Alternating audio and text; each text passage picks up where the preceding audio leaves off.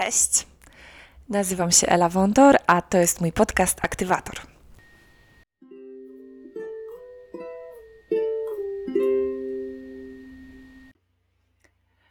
Dzień dobry, cześć. E, słyszymy się dzisiaj już po raz dziesiąty. E, jak co tydzień w dzisiejszym odcinku e, znowu mam po drugiej stronie mikrofonu bardzo niezwykłego gościa. E, dzisiaj słyszymy się z Igorem Kaczmarczykiem, który mimo tego, że dopiero pracuje e, na uzyskanie swojego tytułu magistra, e, ma już bardzo imponujące CV. I właśnie o tej jego działalności naukowej dzisiaj więcej usłyszymy. Cześć Igor. Cześć, cześć, dobry wieczór. Bardzo mi miło, że, że zaprosiłaś mnie do, do tej współpracy. Zwykle moje odcinki zaczynam od prośby E, o opowiedzenie e, historii naukowej, ale e, myślę, że Twoja historia będzie tematem całego naszego odcinka, więc może na początek powiedz nam tak bardzo krótko o sobie, co robisz w życiu, czym się zajmujesz, tak żeby nasi słuchacze wiedzieli, kto w ogóle jest moim dzisiejszym rozmówcą, a później cofniemy się trochę w czasie do początków Twojej kariery naukowej. Obecnie jestem magistrantem e, w Instytucie Nauki Weizmana w Izraelu, dokładnie e, w Departamencie Biologii Strukturalnej. Pracuję u dr Moran Shalev Benami e, i pracujemy nad, akurat ja, dokładnie nad strukturami mm, rodopsyn, czyli białek, które są w stanie reagować na światło i wysyłać komórce jakiś sygnał pod wpływem światła. Więc dzwonię dzisiaj, dzisiaj prosto z Izraela. Jesteś e, moim e, najdalej e, położonym ode mnie gościem dotychczasowo. No dobra, to może cofnijmy się, właśnie zróbmy sobie taką podróż w przeszłość. Większość ludzi w liceum martwi się co najwyżej studiami i ćwiczy odpowiadanie pod klucz w zadaniach maturalnych, a ty miałeś trochę inne zainteresowania wtedy. E, jak się ta twoja przygoda z nauką zaczęła? Tak, ja miałem trochę, trochę bardziej pokręconą drogę w liceum, w liceum szczególnie, e, ale wszystko zaczęło się od tego, że mm, właściwie już w gimnazjum brałem udział w konkursach przedmiotowych, między innymi z, z biologii, dzięki czemu dostałem się do dobrego liceum. Byłem w liceum, w trzecim liceum ogólnokształcącym w Gdyni, właściwie daleko od domu. Dzięki stypendium udało mi się tam e, uczyć w tym liceum. I e, automatycznie myślałem, że skoro robiłem tę olimpiadę z biologii w gimnazjum, no to wypadałoby też się nią zająć w liceum, e, na, już na wyższym poziomie.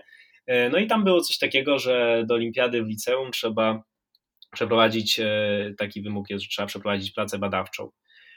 No i na początku pojawił się właśnie taki problem, e, jak się, co, co, co, jakim tematem się zająć, żeby w ogóle z, z której strony to ugryźć. I ja pamiętam, że wtedy wpadłem na jakiś pomysł, żeby zająć się trochę entomologią, badaniem owadów. E, I, no i napisałem pracę badawczą. E, skontaktowałem się też z profesorem mm, ze SGGW z Warszawy. To było w pierwszej klasie liceum który mi podpowiedział pewne rzeczy. Ogólnie mnie interesowały, bo ja pochodzę z Mazur i tam mieliśmy mm, jakiś czas temu taki bardzo, bardzo, bardzo głośne wydarzenie w Polsce był huragan, który położył bardzo dużą część lasów Puszczy Piskiej mm, i to był naprawdę duży kataklizm i mnie interesowały właśnie zmiany, zmiany w składzie gatunkowym owadów i tak dalej, więc skontaktowałem się z profesorem, który tam pracuje, no i napisałem pracę ogólnie na, na, na temat tych owadów biegaczowatych. Nie wchodząc w szczegóły, e, praca została odrzucona z olimpiady biologicznej, bo zajmowałem się jednym, jeden z gatunków, których się zajmowałem jest pod ochroną ścisłą. I okazało się, że mimo tego, że zmodyfikowałem metodologię tak, że żaden tam owad nie zginął i tak dalej, no to to już dyskwalifikowało pracę. Mm, no ale Y, to była pierwsza klasa, to były wiesz, początki próby, więc y, moja szkoła organizowała coś takiego jak obóz biologiczny stacjonarny na Uniwersytecie Gdańskim, gdzie po prostu ludzie, którzy chcieli brać udział w olimpiadzie, mogli tam y, jechać na te dwa tygodnie, w sensie to były zajęcia po prostu na uniwersytecie, żeby rozwinąć się z niektórych, z którychś tam określonych gałęzi biologii. To było akurat na Wydziale Biologii.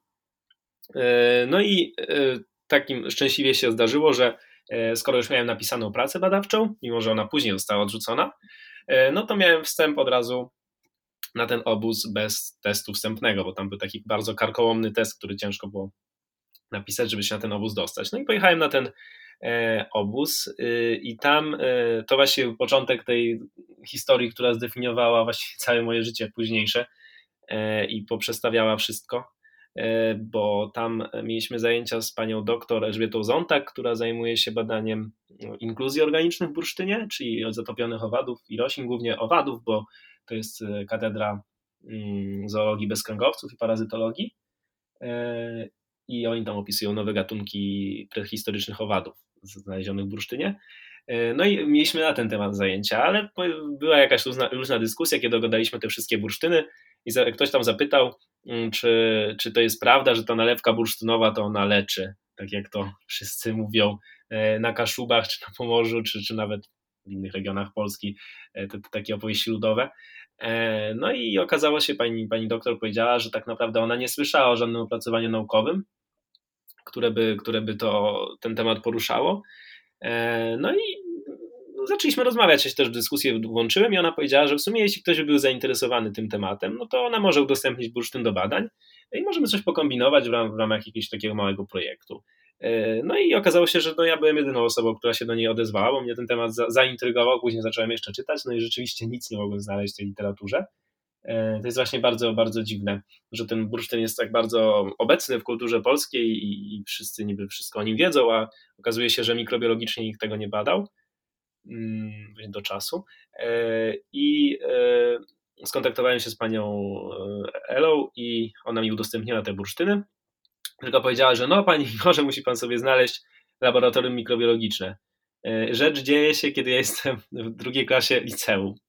E, i mam sobie szukać laboratorium mikrobiologicznego, żeby zrobić sobie badania mikrobiologiczne na jakichś bakteriach, e, gdzie ja z bakterii to wiedziałem tylko tam jakoś podstawowy schemat budowy komórki bakteryjnej, e, a co dopiero robić jakieś testy na bakteriach.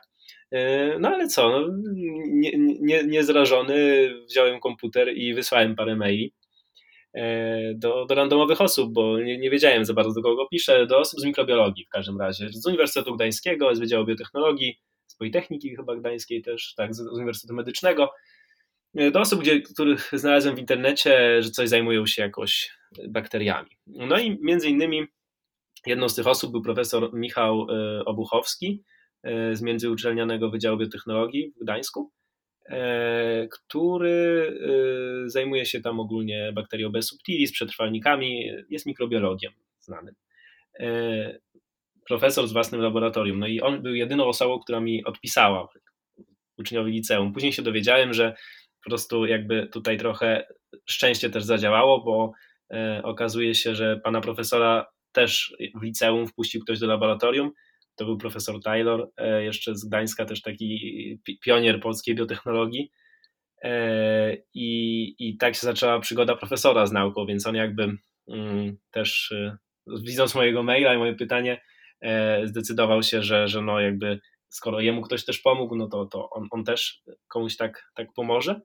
E, i, i, i mnie wpuścił do laboratorium i, i sam mi pokazał, jak robić te eksperymenty, jak, jak e, wyhodować bakterie, jak utrzymać hodowlę, jak sprawdzić jakieś podstawowe testy wrażliwości na antybiotyki i tak dalej. No i ogólnie ja się zwróciłem do niego z pytaniem, czy mógłby właśnie, czy moglibyśmy przeprowadzić parę testów w związku z tym projektem bursztynowym.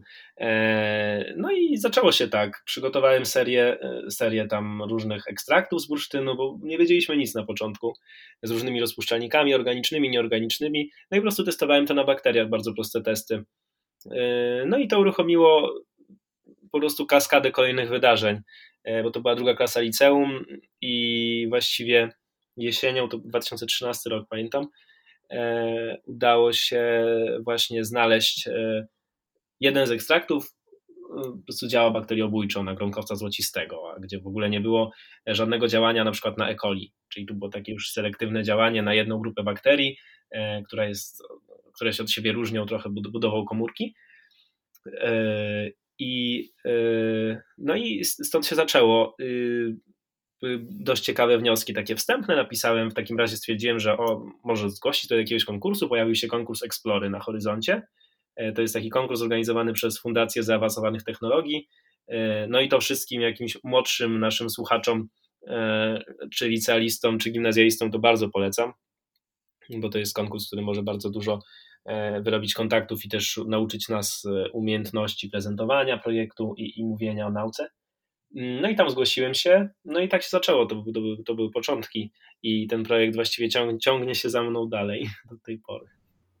Okej, ale e, z tego co wiem, to, e, to nie skończyło się to e, tylko na takim naukowym projekcie, ale przerodziło się to w coś większego, bo powstał z tego startup, prawda? Tak, ostatecznie tak. Znaczy, to, to droga do startupu jeszcze chwilę trwała. Badania naukowe, ja później kontynuowałem u profesora, ale też u profesora to było tak, że mm, w Gdańsku, że to jakby zostałem tam przyjęty tak na, na zasadzie takiej życzliwości. Ja nie miałem, nie miałem i pomocy. Nie miałem własnego grantu, nie miałem własnych pieniędzy, no i bardzo szybko doszedłem do momentu, kiedy no, wypadało zrobić bardziej drogie testy. Na, nie było na to pieniędzy, bo, no bo po prostu to jest, zaczął się tworzyć zupełnie odrębny projekt.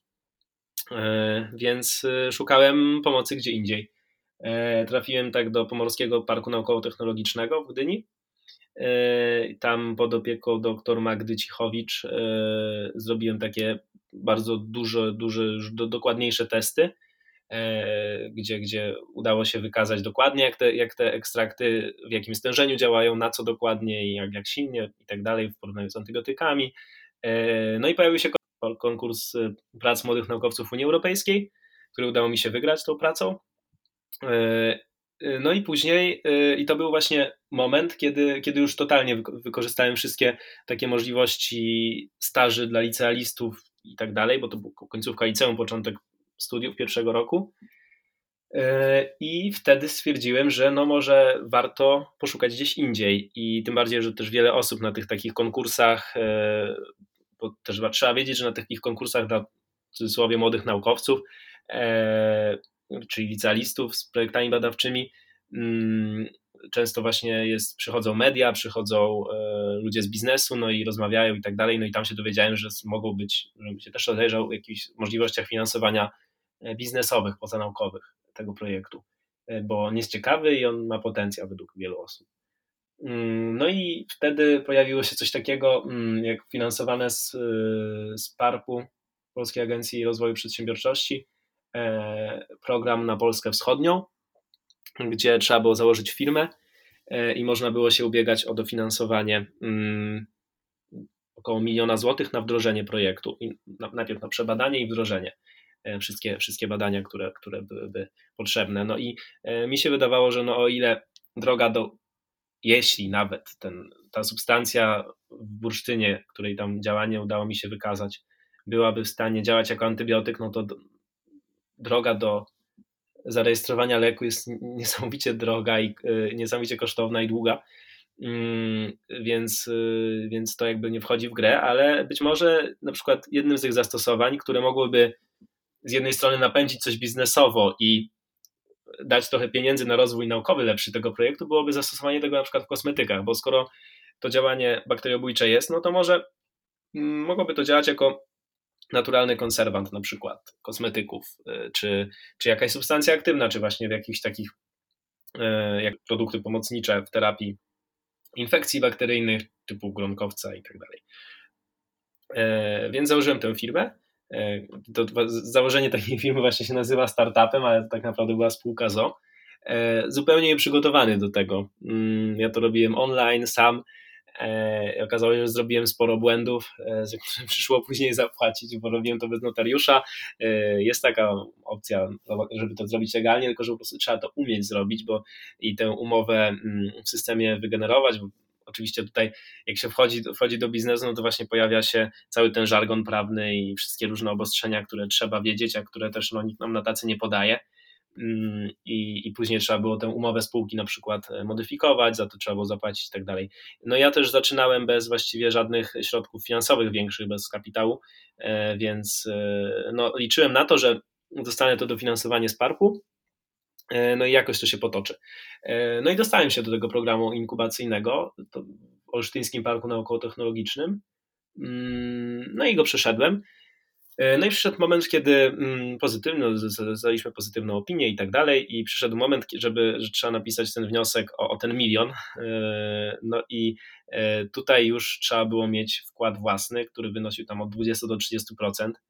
No a 200-300 tysięcy na drodze, na, na ulicy nie leży, więc tu pojawił się problem, no i musiałem wejść we współpracę z kimś, kto takie pieniądze posiadał.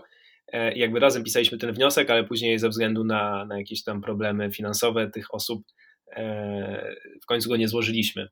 E, no a ja zostałem z firmą, więc no i to trwało kolejne dwa lata właściwie się toczyło i poszukiwałem różnych innych możliwości finansowania, brałem też udział w konkursach takich biznesowych, tak jak na przykład Gdyński Biznesplan, który też wygrałem, w którym nagroda była 30 tysięcy złotych właśnie na rozwój, rozwój biznesu. E, no tylko, że w takim startupie biotechnologicznym, no to on pożarł te pieniądze bardzo szybko, a, a efekty nie były jakieś spektakularne. E, szczególnie, że, że mi zależało na tych badaniach e, ekstraktu pod kątem tego, żeby w końcu wytłumaczyć, jak te bakterie on zabija i dlaczego. Czyli trzeba po prostu przeprowadzić odpowiednią chromatografię, odpowiednio szerokie badania i żeby po prostu znaleźć substancję aktywną. Mm, no to są badania kosztowne i po prostu znowu rozbiłem się o to, że, że nie ma pieniędzy. Mm, z, tych, z tej nagrody właśnie z Gdyńskiego Biznesplanu udało mi się e, napisać wniosek do Narodowego Centrum Badań i Rozwoju, który miał na prawie 1 300 tysięcy złotych.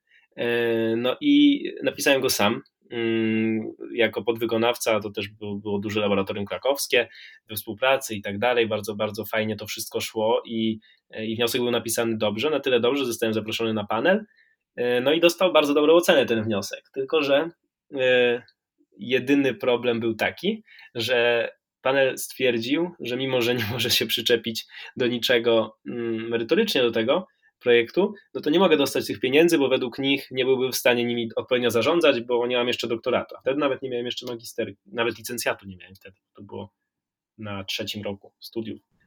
No właśnie, jak tak opowiadasz e, o końcu liceum i początku studiów i o grantach e, na, na milion złotych albo więcej, e, no to brzmi to trochę nieprawdopodobnie i też chyba, mm, znaczy nie wiem, ale wydaje mi się, że wiele osób mogło cię nie traktować do końca poważnie.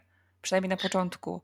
Tak, i tak było, tak było. I właśnie yy, dopóki to, to nie były jakieś kwestie formalne, no to okej, okay, to po prostu ktoś, kto nie traktował poważnie, to sobie, sobie poszedł i mnie dalej nie słuchał, ale Tutaj po prostu jakby panel, i ja też z perspektywy czasu widzę, że, że może i słusznie, że panel się obawiał, żeby po prostu dać osobie, która nie ma doświadczenia w rozliczaniu takich grantów, tak duże pieniądze. No z jednej strony tak, okej, okay, nie? I, i, i po prostu to, to jest zrozumiałe, bo, bo to są pieniądze publiczne, tak, które trzeba mieć rozliczyć.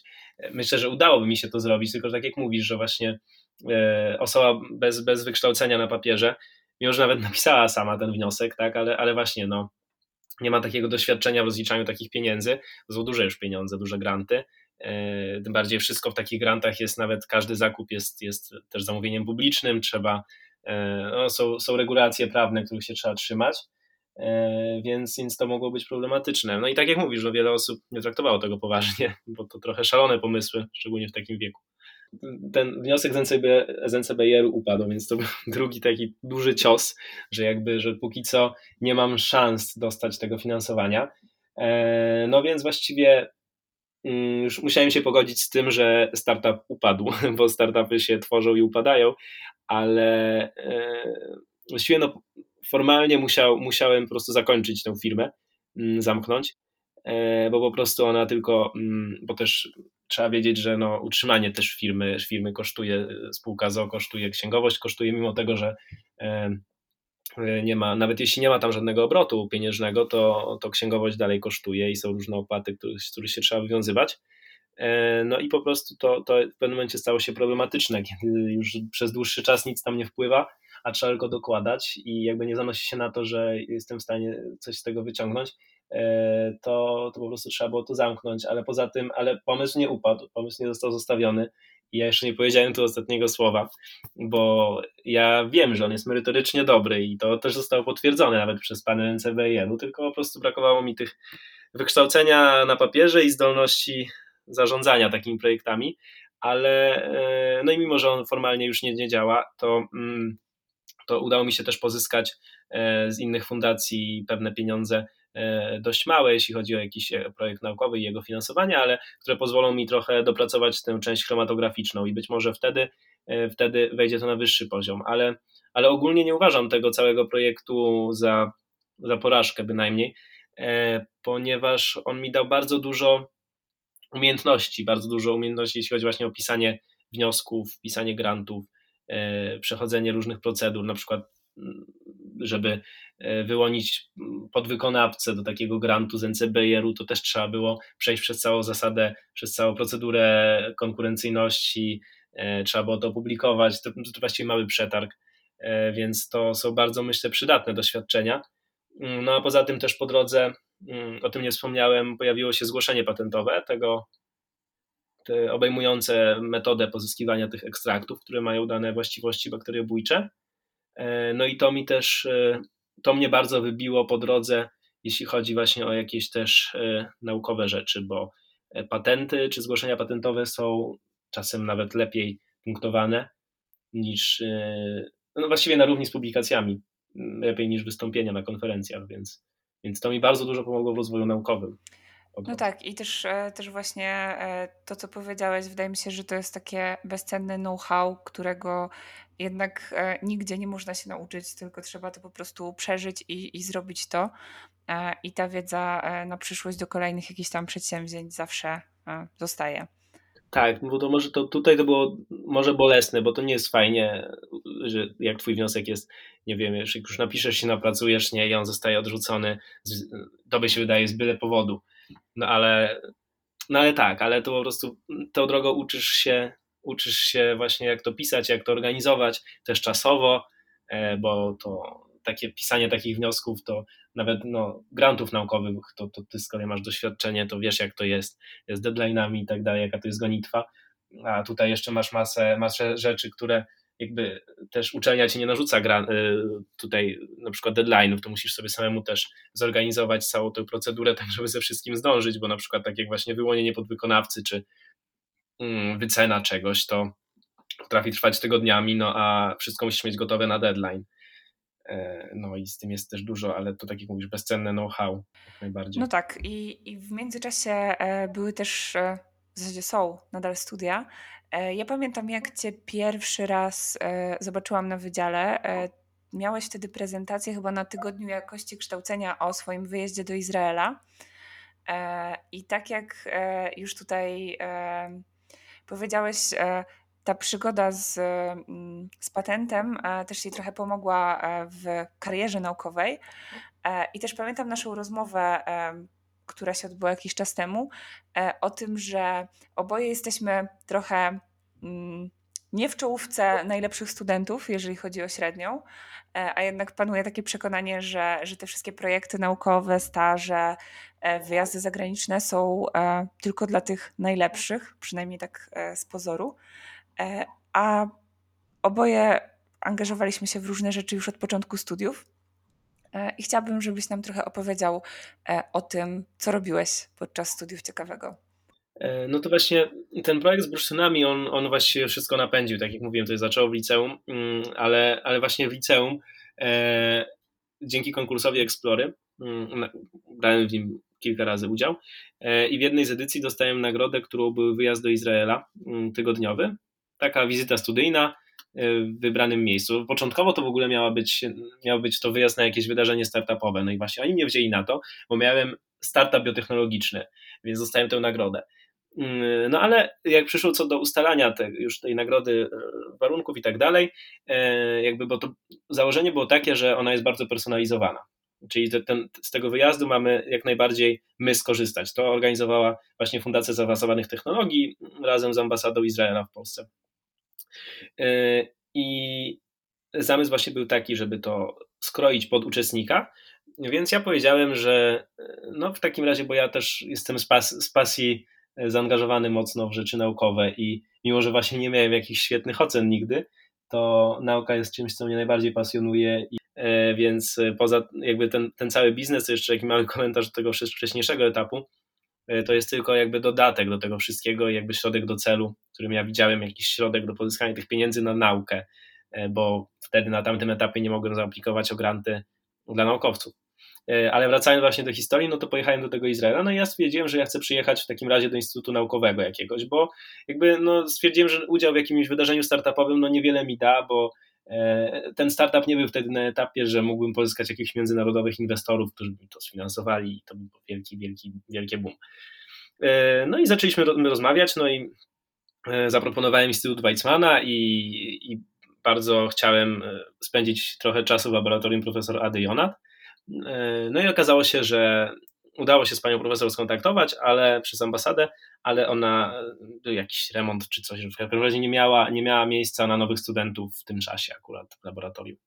E, no więc y, pojechałem do innego laboratorium w tym instytucie, a że wtedy już właśnie zaczynała mnie interesować biologia strukturalna, to trafiłem dwa piętra niżej do doktora Rona Diskina, który zajmuje się wirusami E, I, no i tam spędziłem te 10 dni, zobaczyłem jak wygląda taki e, research strukturalny, e, proteomiczny.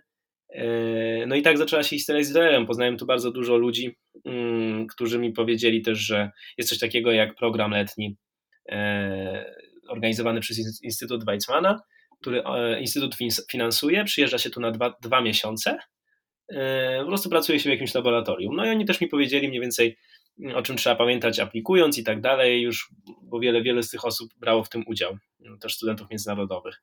E, no i ja stwierdziłem, ja tu przyjechałem zanim jeszcze zacząłem studia na ten krótki wyjazd studyjny. No i później pojawił się Kraków, biotechnologia w Krakowie. E, no i stwierdziłem, że skoro tu mam już względnie wstępnie przetarty szlak, e, no to zaaplikuję na ten staż, tak żeby jechać po pierwszym roku studiów licencjackich na te dwa miesiące tutaj. Czyli tak, dosyć wcześnie, bo zazwyczaj, zazwyczaj bardzo trudno dostać się na taki staż po pierwszym roku od razu. E, ale stwierdziłem, że, że dlaczego, dlaczego nie, spróbujmy i, i tyle. Wysłałem tę aplikację, no i tutaj e, już wtedy udało mi się dostać do, do właśnie do profesor Jonat e, i ona, ona była jak najbardziej ok z, z tym pomysłem, żebym przyjechał i, i dołączyłem na te dwa miesiące. Pracowałem nad takim projektem dotyczącym pochodzenia rybosomu I to było w ogóle świetne, świetne wydarzenie, bo poza tym, że mieliśmy bardzo dużo naukowych, znaczy po prostu to była praca full time w laboratorium. E, z jedną pozdoczką pracowałem e, nad, nad projektem, który był głównie jej projektem. I, ale poza tym też Instytut nam organizował bardzo dużo takich wydarzeń. Jeździliśmy, zwiedzaliśmy Izrael i właściwie wtedy przy okazji też bardzo lubię podróżować, więc przy okazji zjechałem pół, pół kraju i e, od góry do dołu E, i, i właściwie bardzo, bardzo dobrze to wspominam. No i wtedy się, już wtedy jakoś się pojawiło na horyzoncie, że no okej, okay, jest tu fajnie, e, może by tu zaaplikować na magisterkę, ale to na to jeszcze czas. No i w międzyczasie były jeszcze inne, inne, inne pomysły, ale ogólnie e, jakby ten staż był, był, już też mi dał dużo punktów, jeśli chodzi właśnie o, o jakieś stypendia czy o aplikacje na kolejne rzeczy. I, I to właśnie ten wyjazd dwumiesięczny, on był też powiązany tutaj z taką podsumowywała go taka konferencja, która miała status konferencji międzynarodowej i to mi też dodało, wystąpienie tam dało mi bardzo dużo punktów. W międzyczasie właśnie jeszcze wracając do, do poprzedniej części historii pojawiło się to zgłoszenie patentowe, więc ja mimo tego, że ja nie miałem, mm, że już na, tam na drugim roku nie dostałem stypendium rektora, mm, bo mi tam zabrakło troszeczkę do średniej 4.0, E, więc wszystkie moje osiągnięcia jakby nie były liczone do stypendium rektora, no ale zamiast tego dostałem stypendium ministra, które o wiele trudniej dostać i dostałem to właśnie po tym pierwszym roku, e, po, po, po wakacjach spędzonych w Izraelu. E, I dostałem to stypendium ministra, więc właściwie z ocenami po, powiedziałbym średnimi, paradoksalnie moje osiągnięcia naukowe po prostu na tamten moment to przebiły i byłem jedyną osobą w ogóle chyba ze studiów licencjackich wtedy, która to dostała. E, więc e, jakby wracając do ocen, to ja nie uważam, że one są najważniejsze. Nie uważam też, że warto mieć same truje, bo to też nie pomaga. E, ale też jakby moim głównym, główną myślą tutaj jest to, że nie warto inwestować cennego czasu w to, żeby mieć same piątki, moim zdaniem. Może się wiele osób ze mną nie zgodzi, ale bo Chodzi o to, że na egzaminach, szczególnie też na studiach w Polsce, w tym systemie, w którym funkcjonujemy, jest tak, że e, no, czasem po prostu jakieś losowe czynniki sprawią, że po prostu no, zapomnisz czegoś, jakiegoś szczegółu czy coś, albo coś cię zestresuje, no i nie dostaniesz tej piątki, a zainwestowałaś bardzo dużo czasu, żeby, żeby się tego nauczyć, no i szkoda, ale a właśnie lepiej ten czas moim zdaniem trochę przekierować w inną stronę, bo e, tę wiedzę i tak się naby, nabędzie, bo, bo ja na przykład, no, jak znam metodę PCR, no to ja lepiej się jej nie nauczę, a mogę z niej dostać, no nie wiem, tak jak na egzamin z genetyki molekularnej, to dostałem chyba 3,5, bo, bo po prostu nie byłem na jednym z wykładów, a na egzaminie było zdjęcie żelu z tego wykładu, który po prostu trzeba było znać na pamięć, bo źle się wydrukowało. Ja mówię, że ja nie widzę tych prążków tutaj, e, to w ogóle to zdjęcie jest niewyraźne, a pani profesor powiedziała, że no to było na tym i na tym wykładzie i powinien pan doskonale wiedzieć, co się tam znajduje.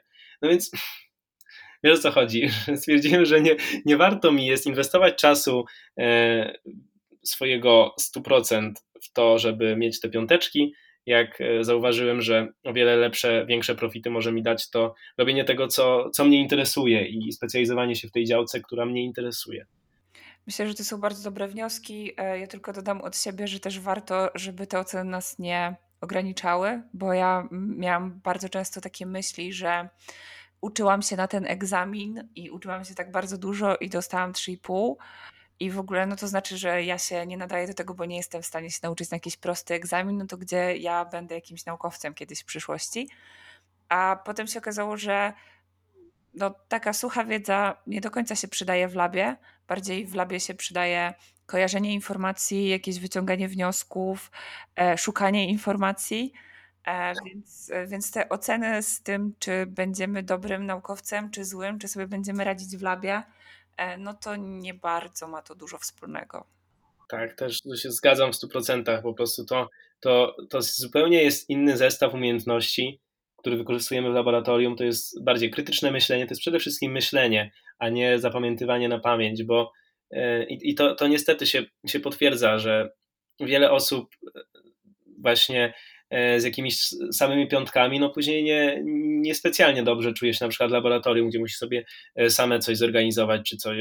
Bardzo dużo takich e, przypadków spotka, spotkałem takich osób, które nie, nie do końca czuły się dobrze w tej pracy, bo bo po prostu jakby mimo tego, że, że miały super oceny, co powinno świadczyć o świetnej wiedzy, no i na pewno tę wiedzę miały, ale tak jak mówię, to jest, wiesz, tak jak też mówiłaś, że to jest inny, inny jakby zestaw umiejętności i myślę, że jak najbardziej nie powinniśmy się mm, zrażać tym, że na przykład o nie mamy średniej 4,5, no to nie będziemy aplikować do, do świetnego labu, żeby iść na magisterkę czy doktorat, bo obok ktoś na pewno nas nie przyjmie. No właśnie tak nie jest, bo nawet teraz jak, jak rozmawiam, mam znajomych, którzy na przykład powoli otwierają swoje laboratoria i na przykład będą rekrutować ludzi, no to oni mówią też, że oni bardziej mm, stawiają na zaangażowanie i na zainteresowanie tematem danej osoby, niż na to, czy ma rząd piątek, czy nie.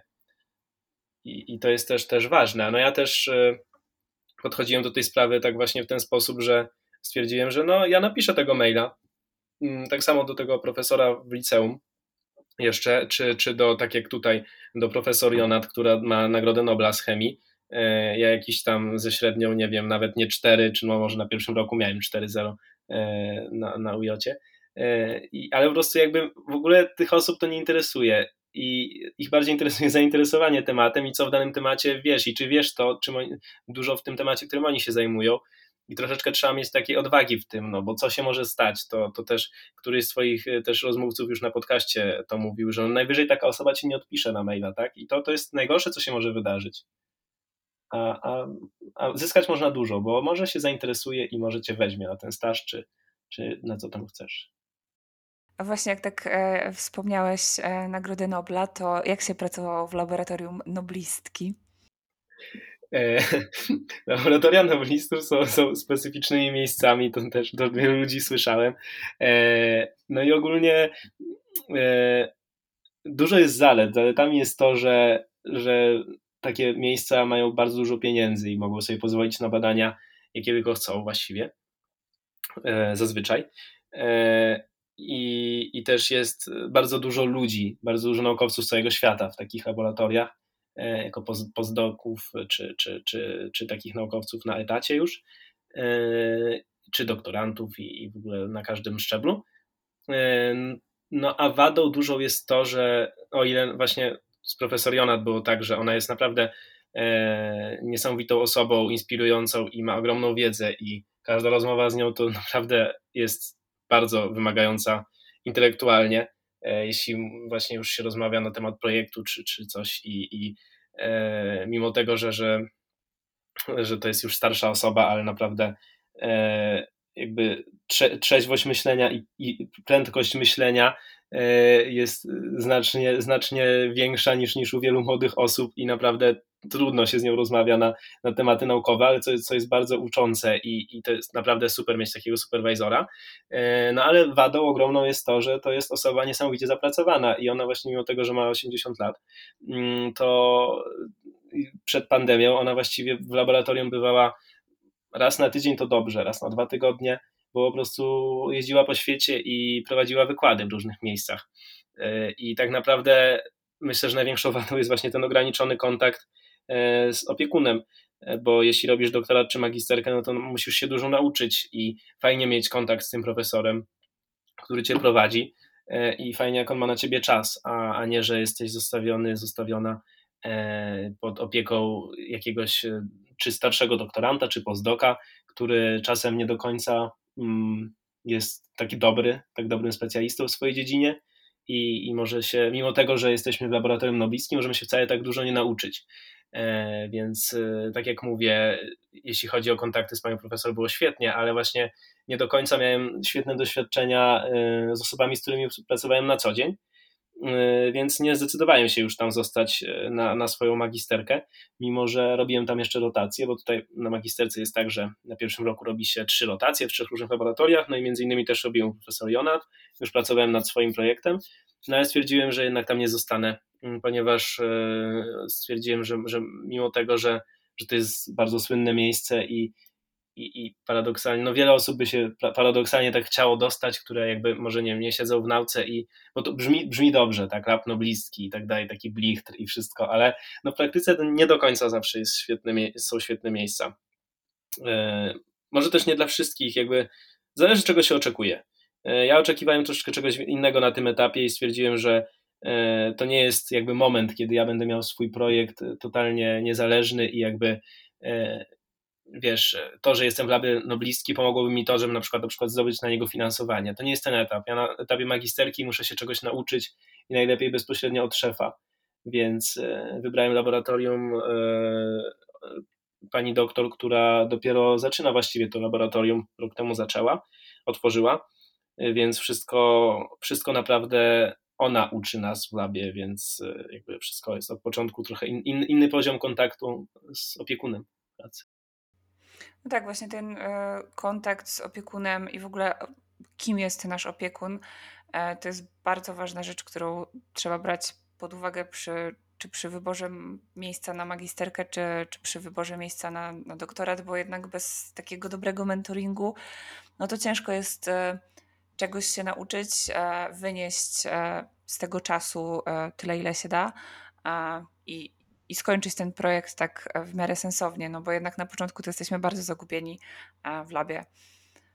Tak, tak. Ja w ogóle, tak jak nawet jeszcze nie zacząłem studiów, to dla mnie to też się wydawało wszystko czarną magią i, i no na wielu rzeczach się trzeba sparzyć e, studiując nawet, no bo no nikt, nikt nas nie uczy tego, nie, jak te studia wyglądają i tak dalej, a szczególnie właśnie, mm, no o ile to jeszcze właśnie na licencjacie e, mm, jakieś tam sparzenie się na jakimś przedmiocie, czy na jakiejś pracowni krótkiej, która trwa, nie wiem, parę tygodni, nie jest jakim, jakąś tragedią, o tyle, kiedy sparzysz się wybierając y, złe laboratorium, albo nie złe, ale po prostu jakby trafia, trafiając na, e, na nie do końca do, dobrą i do współpracy osobę w bardzo, na przykład nawet w bardzo dobrym laboratorium, to nie do końca, wiesz, to, to, to jakby ten, ten e, konsekwencje tego mogą być znacznie gorsze, bo już tak jak na magisterce to jest już rok czy, czy dwa lata pracy w laboratorium nawet, a, a na doktoracie to jest jeszcze dłuższe zobowiązanie, więc ja myślę, że poza tym całą jakością naukową e, miejsca, które rozważamy, to trzeba na równi, a nawet, nawet bardziej bym powiedział, patrzeć na to, e, żeby upewnić się, że dobrze nam się tam będzie pracowało, bo jednak laboratorium jeśli, jeśli traktujemy to poważnie, no to jest miejsce, tak jak rozmawialiśmy i masz chyba podobnie, że spędza się naprawdę dużo, czasem więcej niż 12 godzin dziennie, czasem jeszcze gorzej, ekstremalnie, więc, więc to jest jakby drugi dom i, i to jest ważne, żeby czuć się tam dobrze i komfortowo, bez stresu, mm, no bo to, to zabija wszelką motywację i, i na dłuższą metę nie jest dobre. Można krótko coś takiego wytrwać, nie? ale nie, nie dłużej. No nie, na, na dłuższą metę wydaje mi się, że taka e, dobra atmosfera i też e, to, o czym rozmawialiśmy przed nagraniem, e, brak jakiejś takiej presji i, i wyścigu szczurów, to jest, są najważniejsze rzeczy, które no ja bym przynajmniej brała pod uwagę, wybierając jakieś kolejne miejsce, bo mm, jednak ta praca jest na tyle wymagająca i na tyle jest e, takich dołujących momentów, kiedy coś ci nie wychodzi, no bo jednak ciężko się od tego odciąć, że jeżeli jeszcze trzeba dołować się tym, e, jak ludzie wokół się zachowują wobec ciebie, albo. Tak, albo jakieś toksyczne zachowania, tak, czy ten wyścig szczurów, taki, który też jest bardzo popularny w dobrych miejscach, tych takich chłodzących, za bardzo renomowane, tak? No to, to, to chyba nie warto. Po prostu chyba warto też e, trochę myśleć o swoim zdrowiu psychicznym. Tak, tak. Też tak myślę. Właśnie dlatego też, też dużo osób mi mówiło, że no co ty robisz, nie? Dlaczego ty nie zostajesz u tej pani profesor, tak? Przecież to, no nie wiem, no to głupota jakaś, nie? To tak samo też mi, e, mi mówili, jak e, ja zrezygnowałem z medycyny na rzecz biotechnologii, bo ja zacząłem lekarski, kierunek lekarski w Krakowie też w 2016 roku chyba?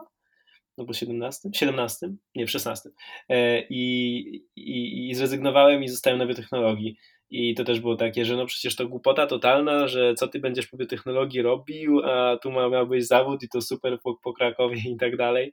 No ale tak nie wygląda. No trzeba robić to, co jest w zgodzie mm, z planami, tak, i jakąś, jakąś wizją siebie. Okej. Okay. W sumie to e, wyczerpałam już chyba moje e, takie małe pytanka, które miałam tutaj przygotowane, e, ale już trochę o tym wspominałeś, ale chciałabym jeszcze Cię prosić, żebyś, jeżeli masz jakieś rady dla osób, które właśnie są jeszcze bardzo na początku swojej drogi naukowej, czy to tak ekstremalnie jak Ty w liceum, a czy może na początku studiów i chciałyby zacząć coś robić, to co byś mógł im poradzić?